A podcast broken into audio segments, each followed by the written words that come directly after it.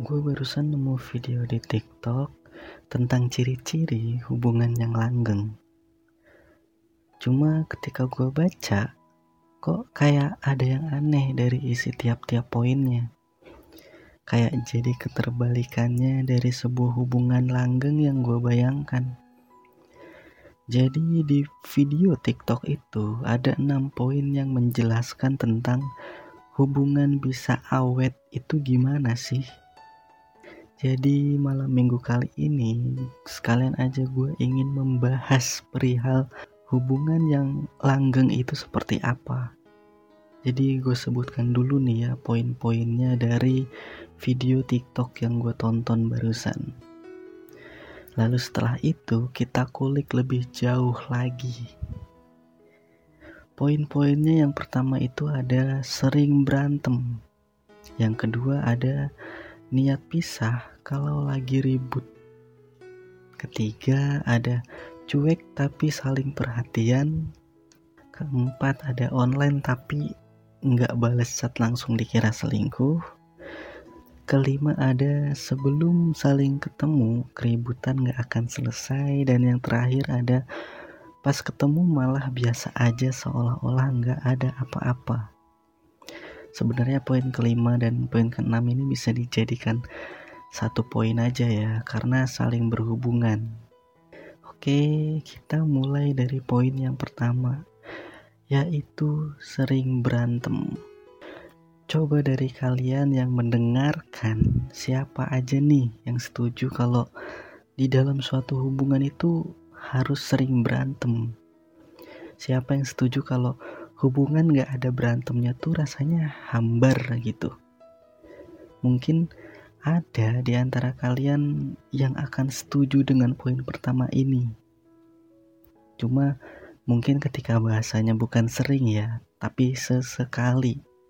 Karena gue tidak bisa membayangkan ketika suatu hubungan harus selalu diisi oleh pertengkaran dan keributan itu itu itu sebuah hubungan yang gak pernah gue inginkan karena gue tidak bisa membayangkan ketika suatu hubungan harus selalu diisi oleh pertengkaran dan keributan setiap harinya. Itu adalah hubungan yang amat sangat tidak menyenangkan untuk dijalani. Gue pribadi pun gak mau menjebak diri gue sendiri untuk ada di hubungan seperti itu. Karena gue pengen bahagia gue nggak pengen buat memicu perang dunia. Tapi buat kalian yang punya kepercayaan kalau di suatu hubungan harus ada pertengkaran atau perselisihan sesekali biar di hubungan itu nggak hambar ya gue nggak masalah jika kalian memang suka untuk berantem suka untuk mempermasalahkan apa pun gitu. Cuma ya gue pribadi sih nggak suka pertengkaran sekecil apa pun di hubungan, kalau lu nggak tahu cara menyelesaikannya, itu bakal jadi masalah besar loh kalau lu biarin gitu aja. Dan gue adalah tipe orang yang gak pengen ada pertengkaran di dalam hubungan yang gue jalani. Makanya gue gak mau mengisi hari-hari bahagia bersama pasangan dengan pertengkaran masih banyak momen-momen lain yang bisa diciptakan bersama gitu selain pertengkaran. Jadi ya kalau misalkan ada apa pun keluh kesah ya mendingan cerita aja gitu. Biar nggak dipendem sendiri. Terus ketika ada kesalahan kecil yang bisa menjadi pemicu buat semuanya keluar yang ada malah emosinya meledak-ledak nantinya.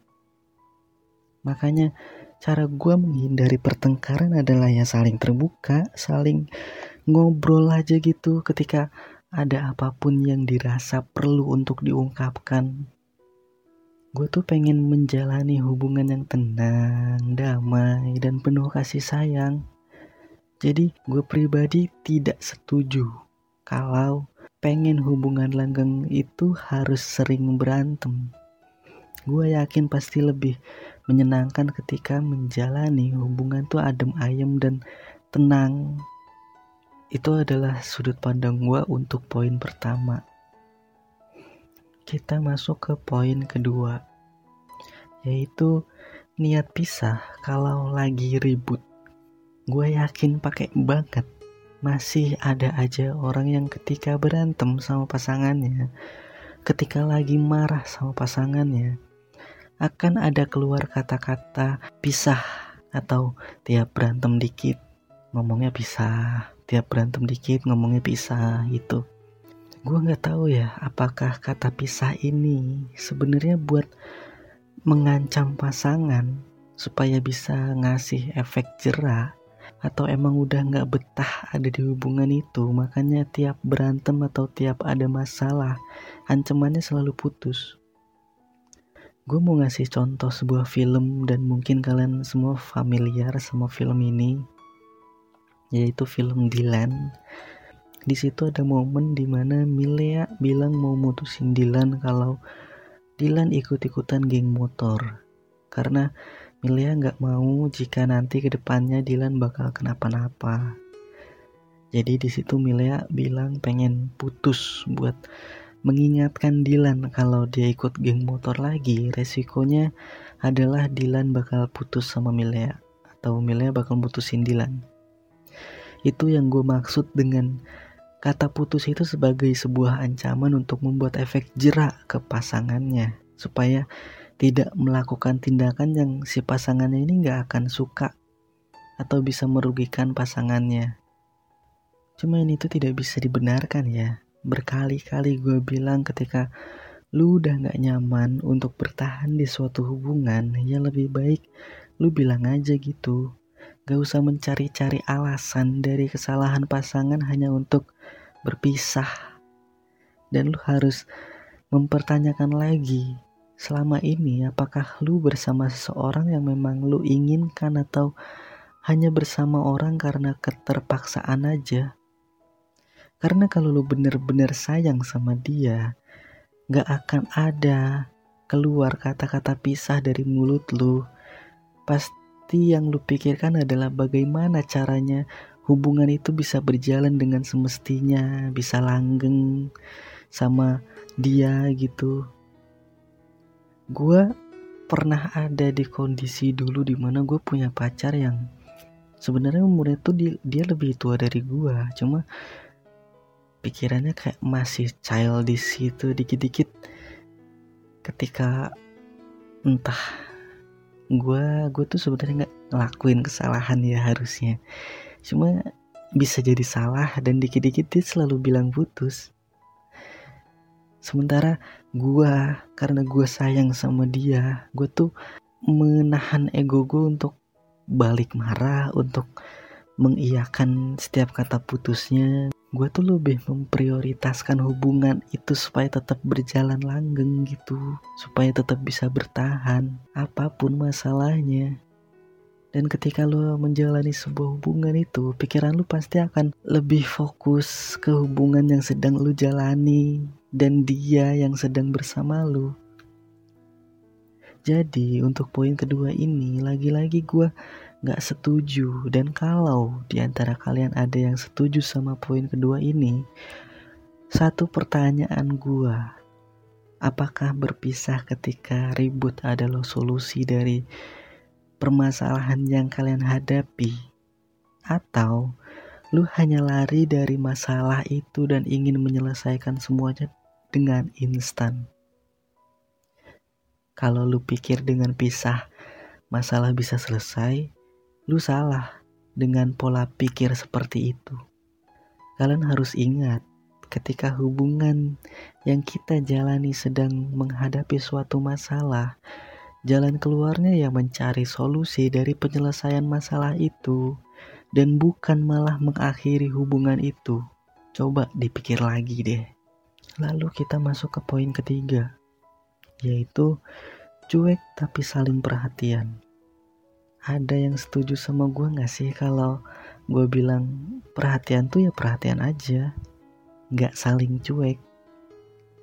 Gimana ya? Mungkin karena gue bukan tipe orang yang akan cuek sama pasangan dan bakal ngasih perhatian aja gitu tanpa harus bersikap cuek. Atau mungkin di antara kalian emang ada aja gitu yang suka sama orang cuek tapi tetap ngasih perhatian. Kalau untuk poin ini ya bisa banyak perspektif ya. Kalau dari gua dan gua menilai diri gua sendiri gue bukan tipe orang yang akan cuek. Gue ngasih perhatian ya karena emang gue pengen ngasih perhatian aja. Karena gue orang yang emang perhatian. Tapi apa pun itu, kalau pasangan kalian masih memberikan perhatiannya walaupun dia cuek, menurut gue ya nggak apa-apa. Karena mungkin memang begitu caranya menyayangi dan memberikan perhatiannya ke lu. Gue tidak akan menjustifikasikan orang supaya sama kayak gue. Yang penting selagi lu masih merasakan kasih sayang dari dia, apa pun sikap dan sifatnya, ya udah nggak apa-apa terima dan lanjutkan aja beda ceritanya kalau udah cuek terus nggak perhatian. Dan lu masih menjadikan dia pasangan. Itu itu sih mungkin lu nya aja yang aneh ya. Pengen sama orang kayak gitu. Dan untuk poin yang ketiga ini gue netral. Karena bisa jadi baik bisa jadi buruk gitu. Kemungkinannya ya 50-50 lah. Kemudian kita masuk ke poin keempat yaitu online tapi gak bales chat langsung dikira selingkuh untuk poin ini gue yakin poin ini masih sama kayak poin kedua tadi ya masih banyak orang yang punya mindset seperti ini doi online tapi nggak bales chat. Terus pasangannya ngira kalau dia tuh lagi selingkuh. Padahal kan nggak selalu ya. Bisa aja emang pasangan lu lagi capek buat bales chat. Atau mungkin pasangan lu online cuma buat ngeliat-liat story orang-orang yang ada di kontaknya. Atau mungkin ya ketika pengen bales chat, dia ketiduran jadi kan gak harus selalu ketika pasangan online tapi dia gak bales chat, itu berarti dia selingkuh. Toh masih banyak kemungkinan-kemungkinan lain yang kemungkinan aja bisa terjadi. Tahu gak sih sebuah fakta kalau orang selingkuh tuh dia justru gak akan online sama sekali. Justru aneh gak sih kalau selingkuh tapi masih online? apa cuma gue doang yang mikirnya begitu ya karena menurut gue kalau misalkan lu lagi selingkuh dan lu online itu aneh tau seharusnya ya lu baru boleh curiga kalau pasangan lu nggak online seharian nggak ngabarin seharian dan kayak hilang aja gitu di telan bumi nah itu lu harus overthinking dan mulai jadi detektif buat mencari tahu ke mana pasangan lu itu. Hilang ke mana dia. Kalau misalkan pasangan lu online tapi nggak balas chat lu, itu mah bukan sesuatu hal yang aneh buat gua. Karena pasti ada hal-hal lain yang bisa terjadi selain cuma mengira-ngira dia selingkuh. Gua bisa ngebayangin betapa capeknya perasaan dan pikiran lu ketika ada di kondisi seperti itu harus overthinking tiap kali pasangan online tapi nggak balas chat. Cobalah untuk berpositif thinking sama pasangan. Jangan hanya karena praduga tak bersalah yang lu berikan ke pasangan, malah bikin pasangan lu nggak nyaman. Dan bikin yang tadinya hubungan itu baik-baik aja, jadi malah nggak baik-baik aja gitu. Jadi malah gampang muncul masalah yang entah dari mana percayalah sama pasangan.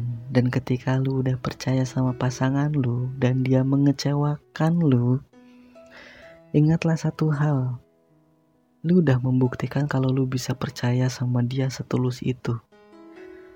Dan dia membuktikan kalau dia bukan orang yang pantas untuk bisa diberi kepercayaan dari lu. Udah simple. Itu untuk poin keempat. Jadi kurang-kurangin overthinking kurang-kurangin netting sama pasangan ya kurang-kurangin deh kalau lu pengen hubungan itu lebih ke arah yang enak untuk dijalani. Itu sedikit tips dari gue. Dan untuk poin terakhir yaitu poin kelima. Di poin kelima ini ada sebelum saling ketemu, keributan gak akan selesai. Dan pas ketemu, malah biasa aja seolah-olah nggak ada apa-apa. Ini yang gue maksud tadi, poin kelima dan poin keenam itu bisa digabung karena masih saling berhubungan lah. Ini gue doang yang merasakan atau gimana ya? Masih ada orang-orang yang kayak gini. Apa kalian juga merasakan hal yang sama seperti gue? Biasanya tuh ya, yang begini itu lebih ke ABG gak sih? Menurut gue sih orang-orang yang kayak gini nih lebih ke ABG atau bisa aja sih terjadi ke orang-orang yang umurnya 20 tahunan ke atas cuma emang dianya belum dewasa aja. Yang gak tahu caranya menyelesaikan masalah dan menganggap gak ada apa-apa ketika ketemu gitu. Kalau gue sih gak akan bisa ada di posisi itu ya gue tuh kalau misalkan ada masalah apa pun sekecil apa pun itu gue harus ngomong. Gue harus bisa menyelesaikan masalahnya supaya nggak akan ada yang mengganjal di hati nantinya. Ibarat batu kerikil kecil yang mengganjal di hati yang lu biarkan terus menerus ada di situ pasti nggak akan nyaman rasanya Makanya, seperti yang gue jelaskan di poin kedua, gue akan bicarakan apa pun itu yang mengganjal di hati ketika emang ada yang harus dibicarakan. Penyelesaian masalah yang menyenangkan adalah bisa saling ngobrol, bisa saling mencari solusi dari penyelesaian masalah yang sedang kalian hadapi. Saling ngobrol tuh udah paling bener sih menurut gue untuk menyelesaikan masalah ya. Lu gak bisa diem-dieman dan berharap masalah kelar dengan sendirinya. Lu juga gak bisa untuk pura-pura gak terjadi apa-apa. Padahal ada batu besar yang tepat berada di tengah-tengah hubungan yang sedang kalian jalani. Gak bisa, gak bisa seperti itu. Berpikirlah terbuka, berpikirlah dewasa ketika memutuskan menjalani suatu hubungan kalau belum siap untuk punya pasangan, mendingan jangan. Karena ketidaksiapan lu bisa bikin lu sakit hati sendiri nantinya. Dan mungkin rasa sakit hati itu bisa merubah lu. Tapi ya gak apa-apa juga sih menerima rasa sakit dari seseorang.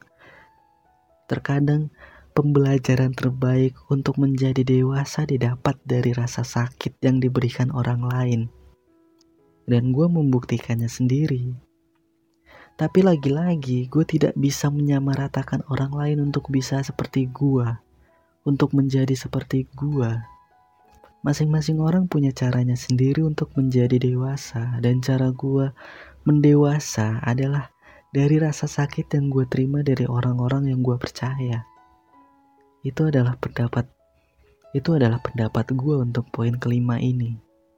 Ketika lu berantem sama pasangan, ketika lu ada masalah sama pasangan, jangan diem-dieman. Jangan seolah-olah nggak terjadi apa-apa. Itu adalah sesuatu yang menurut gue nggak baik untuk ditahan sendiri gitu, untuk dianggap tidak ada apa-apa gitu. Apa pun itu lu harus mencari solusinya bersama. Terakhir dari gua adalah hubungan bisa langgeng lama itu ketika dua orang yang sedang berada di dalamnya bisa menjaga komunikasi mereka, bisa menjaga perasaan mereka, bisa menjaga kepercayaan yang diberikan ke mereka, dan memberikan perjuangan terbaik yang bisa ditunjukkan untuk membuat hubungan itu langgeng sampai ke masa depan. Sampai ke tujuan yang kalian inginkan, sampai mencapai relationship goals yang kalian impikan itu kesimpulan dari gua mengenai hubungan langgeng itu seperti apa. Gue tahu kesimpulan gue belum 100% akurat dan belum 100% benar karena gue pun sedang menjalani prosesnya untuk bisa mewujudkan itu.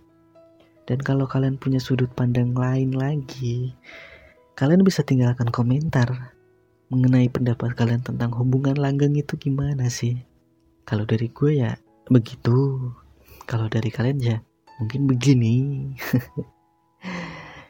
Oke jadi segitu dulu aja pembahasan podcast malam minggu kali ini Semoga dari apa-apa yang gue jelaskan barusan bisa bermanfaat buat kalian semua.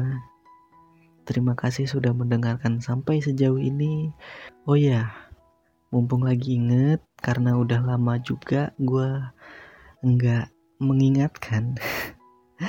buat kalian yang mau berbagi cerita atau ceritanya mau dibawakan di Pejuang Podcast, itu bisa banget ya.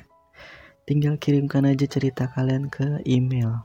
Email itu para pejuang podcast at gmail.com nanti akan gue cantumkan juga emailnya di deskripsi biar lebih jelas isi emailnya bebas kalian mau langsung ngetik di emailnya yang gak apa-apa mau kalian kirimkan dalam bentuk word gitu kalian ketikkan di word dulu juga nggak apa-apa Nanti akan gue bacakan semua email yang kalian kirimkan. Dan gue pamit. Ciao.